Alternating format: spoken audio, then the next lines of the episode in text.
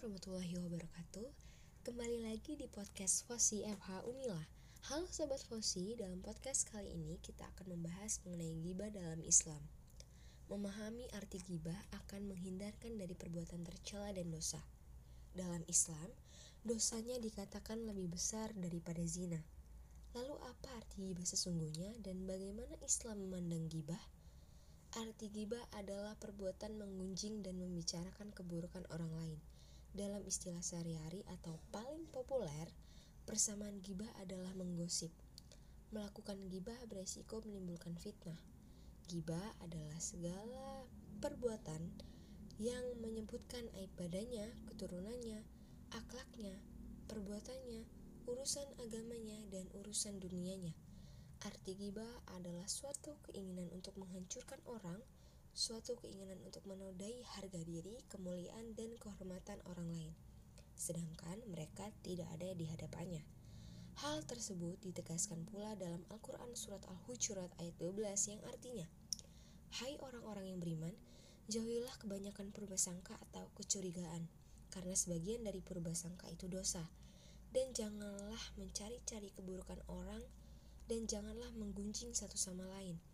Adakah seorang di antara kamu yang suka memakan daging saudaranya yang sudah mati? Maka tentulah kamu merasa jijik kepadanya. Dan bertakwalah kepada Allah, sesungguhnya Allah maha penerima taubat, lagi maha penyayang. Dalil hadis lain dari Nabi Muhammad SAW bersabda yang artinya, Sesungguhnya riba yang paling bahaya adalah berpanjang kalam atau ucapan dalam membicarakan keburukan seorang muslim dengan cara yang tidak benar. Hadis riwayat Abu Daud. Hadis riwayat Ahmad Jabir bin Abdullah. Kami pernah bersama Nabi, tiba-tiba tercium bau busuk yang tidak mengenakan. Kemudian Rasulullah berkata, e, "Tahukah kamu bau apakah ini? Ini adalah bau orang-orang yang menghibah menggosip kaum mukminin." Nah, perbuatan yang menjadi arti gibah selain menyebabkan tali persaudaraan putus, juga membuat seseorang yang melakukan dipenuhi dengan dosa karena mengungkap aib yang tidak semestinya dibicarakan. Lalu, ada pun cara menghindari gibah yang dapat kita lakukan yaitu yang pertama mengingat kebaikan, kemudian berpikir positif selalu, kemudian saling mengingatkan, perbanyak istighfar, berkumpul dengan orang soleh, menjaga lidah dan lisan, menyadari perbuatan yang buruk, dan introspeksi diri.